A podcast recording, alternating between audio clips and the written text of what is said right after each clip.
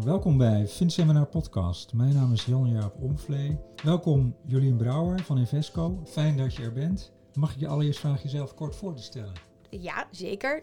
Dankjewel ook voor de uitnodiging. Mijn naam is Jolien Brouwer. Ik heb misschien een beetje een andere achtergrond dan wat mensen normaal hebben binnen de financiële dienstverlening. Vertel. Ik ben zelf begonnen binnen Corporate Finance. Ik heb drie jaar lang fusie en overnames begeleid. En toen heb ik best wel een rigoureuze stap gemaakt naar headhunting. Dus ik heb uh, zes jaar lang voor de financiële dienstverlening mensen bemiddeld. Mooi. Ja, en dan krijg je echt de ruimte om overal een beetje binnen te kijken en te, te zien hoe dat allemaal Ja. loopt bij iedereen. Beviel Waarom? dat? Ja, dat beviel heel goed. Maar ja, na zes jaar ben je ook al toe aan iets anders. En een van de partijen waar ik ook binnen had gekeken was Van Eck. En toen ben ik eh, terechtgekomen als ETF-sales voor Nederland in, bij eh, Van Eck. Jullie wel Ja, waarschijnlijk wel ook wel bekend, ja. Precies. En anderhalf jaar eh, geleden ben ik overgestapt naar Invesco. Waar ik verantwoordelijk ben voor de ETF-business voor de gehele Benelux. En dat houdt dus eigenlijk in dat alles wat te maken heeft met commercie op het gebied van Invesco en ETF's, dat ik daarover ga. Maar natuurlijk hebben we daar nog een heel team van, eh, van fund managers en eh, capital market specialisten en product specialisten in het hoofdkantoor zitten. Ja. Maar voor ETF's ben ik degene die daarover Goed. gaat. Kun je iets vertellen, een korte profielschets geven van eh, Invesco? Ja, Invesco is een eh, wereldwijde asset manager. Wij beheren ongeveer 1500 miljard. En daarvan is ongeveer eh, 500 miljard in ETF's. En dat maakt ons de vier na grootste. ETF-leverancier. Ik zie al wat wenkbrauwtjes eh, omhoog gaan. Want er zijn heel weinig mensen die dat eigenlijk weten. Wij zijn ook marktleider op het gebied van commodities. En dat zijn heel veel dingen die eigenlijk mensen niet weten. Dus wij zijn altijd wel een beetje onder de radar aan het spelen. Dus vandaar dat ik hier graag ben. Ja, daarmee. eh, Ja, om daar wat meer over te vertellen. Ja, wat goed. Ehm, Jolien, we beginnen altijd met een icebreaker. En Mhm. de icebreaker van vandaag is... Wat is het meest opvallende dat je ooit hebt meegemaakt als beleggingsprofessional? Nou, gelukkig is de financiële dienstverlening lekker rustig en steady. En gebeurt er niet zo heel gek veel. Hè? Dat proberen we altijd zoveel mogelijk te vermijden. Maar ik denk dat eh, wat mij wel het meest is opgevallen... is iets wat eh, ik heb meegemaakt in mijn, toen nog met mijn vorige werkgever. Stonden we op een evenement en er komt een oudere meneer naar mij toe... en die vraagt van, eh, goh, bent u de hostess van deze stand? En ik zo, nee, nee, nee, dat ben ik niet. Ik werk, ook hier, ik werk hier ook daadwerkelijk. En toen eh, vervolgens vroeg hij, kan ik jou ook een inhoudelijke vraag stellen? En toen dacht ik ook, ja, weet je, er zijn nog zoveel mensen die niet gewend zijn aan het feit dat er ook vrouwen werken in deze, in deze business. Ook een beetje kijkend naar de, de line-up van deze podcast. staan ook niet heel veel vrouwen tussen. Je hebt gelijk. Dus ik ben hier graag ook als spreker vanuit de dames in Ja. de financiële dienstverlening. Van harte welkom. Ja. Het eh, onderwerp van vandaag is... Hoe gaan we onze ESG-doelstellingen behalen met behulp van ETF's? Mhm. Waarom dit onderwerp en waarom met behulp van ETF's? Om te beginnen met de eerste vraag. Wat, wij, wat ons opvalt is dat de meeste vermogensbeheerders en banken, hè, iedereen de beleggingsprofessional, toch wel de stap heeft afgerond van het beleggen met, van hun core-allocatie in ESG-allocaties. Ja. Dus daar, daar merk je ook wel dat dat een redelijk verzadigde markt is. Wat je merkt nu is dat er steeds meer vraag komt naar alles wat daar omheen zit. Hoe gaan we nu onze satellites ESG maken? Hoe gaan we onze commodity exposure ESG maken?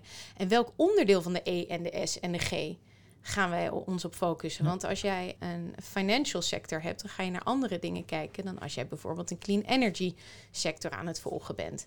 Dus we merken dat daar een hele, dat daar toch wel een verschuiving bezig is. En je ziet het ook aan de, met name de ETF-issuers, hè, dat is niet alleen wij, maar ook aan eh, onze concurrenten, die eh, meer dan 40 ESG-ETF's op de markt hebben gebracht het afgelopen jaar, dat die ook steeds specialistischer worden op een klein stukje van de E, de S of de G.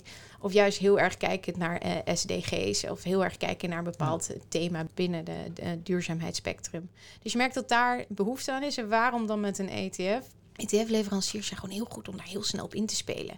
ETF's zijn natuurlijk goedkoop en transparant, makkelijk te verhandelen. Ja. Maar ETF-issuers, je ziet het eh, over dit hele spectrum, zijn ook gewoon heel goed op heel snel inspelen op veranderende vraag. Vandaar dat wij geloven dat je met een ETF-portefeuille je hele portefeuille Ja. kan bouwen. En jullie kunnen ook snel een ETF op de markt brengen. Ja, ja, kijk, uiteindelijk is dat ook iets wat je als ETF-issuer moet doen. Want een first mover advantage is denk ik een van de meest belangrijke aspecten die je kan hebben. Ja, mooi. Betekent niet dat wij altijd de eerste zijn hoor. kan altijd beter. kan altijd beter. Ja. Invesco biedt een verscheidenheid aan eh, ESG-benaderingen, zodat beleggers de ETF's kunnen kiezen die het best bij hun eh, doelstellingen passen. Kun je iets meer vertellen over deze benaderingen en jullie eh, expertise in ESG? Als je kijkt naar wat ik dus net ook benoemde, dat wij een beetje onder de radar hebben uh, gehandeld, is dat wij eigenlijk de afgelopen jaren heel erg druk bezig zijn geweest met een, een pallet aan producten neerzetten die eigenlijk alles behelst. Dus niet alleen equity, maar ook fixed income. Mhm. En wat je ziet is dat wij begonnen zijn met een licht groene uh, range aan producten, wat niet al te veel afwijkt van uh, de, de, zeg maar de niet-ESG-indices. Ja. Tot aan een hele specialistische donkergroene range van onze Climate Paris Aligned ESG-range. Die juist heel erg uh, gericht is op de reductie van CO2. Ja. En ook op het gebied van fixed income. Want dat is ook in, in een beetje een ondergeschoven kindje geweest voor ESG. En wij hebben daar een hele brede range aan producten waar wij een zogenaamde ESG-tilt toepassen. Dus een, hoe hoger de ESG-rating, hoe hoger de vertegenwoordiging is in de ETF. Maar we hebben ook een aantal actieve ETF's die juist gebruik maken van factor-based beleggen. En zo een ETF weten te maken met dezelfde ratio's als een niet-ESG-ETF, maar wel met een, een, een goede ESG-rating. Dus daar zijn ontzettend veel stappen die er worden gemaakt. En je merkt ook dat wij daar een heel breed palet in weten te maken. Bij een uh, actieve aanpak, actief beheer, geldt een uh, actieve aanpak door uh, engagement, stemmen bij volmacht, uitsluiting. Hoe ga je bij Invesco om hè, in, je, in je werk bij de, de passieve ETF's? Ja. Hoe doe je dat? Ja, kijk, dan ga je eigenlijk meeliften op die andere duizenden miljard die we in EUM hebben. Dat zijn namelijk ook onze actieve fondsen. En die hebben allemaal al een belang in bedrijven waar wij vaak als passieve belegger ook een belang in hebben. Dus wat wij toepassen is zogenaamde echo-voting. Ja. Dus wij stemmen mee met wat onze actieve betrokken uh, shareholders aan het doen zijn vanuit de, de, actieve fondsen. En wij volgen ook wel het. Kijk, we hebben natuurlijk niet overal deelnemingen. Dus als we dat niet hebben vanuit onze actieve fondsen, dan volgen wij het advies van uh, Glass Lewis en ISS. Maar wij houden wel altijd de discretie om daar zelf een beslissing over te maken. Dus het is niet zo dat wij klakkeloos doen wat zij zeggen. Als wij het daar niet mee eens zijn, wij vanuit hè, de ETF-business, ja. uh, als we het daar niet mee eens zijn, dan gaan we wel op een andere manier stemmen. Maar over het algemeen stemmen wij eigenlijk gewoon mee met wat de actieve asset managers doen. Ja, duidelijk. Even uitzoomend qua onderwerp, welke grote thema's zien jullie op dit moment in het ESG-landschap?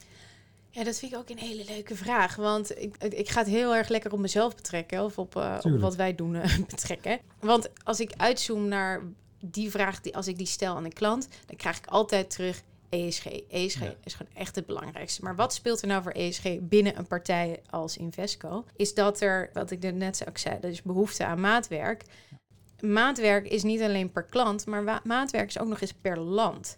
Dus wij zijn een, een global speler, maar als ik even kijk naar Europa, elk land binnen Europa heeft zo'n andere ideeën over wat duurzaamheid eigenlijk is.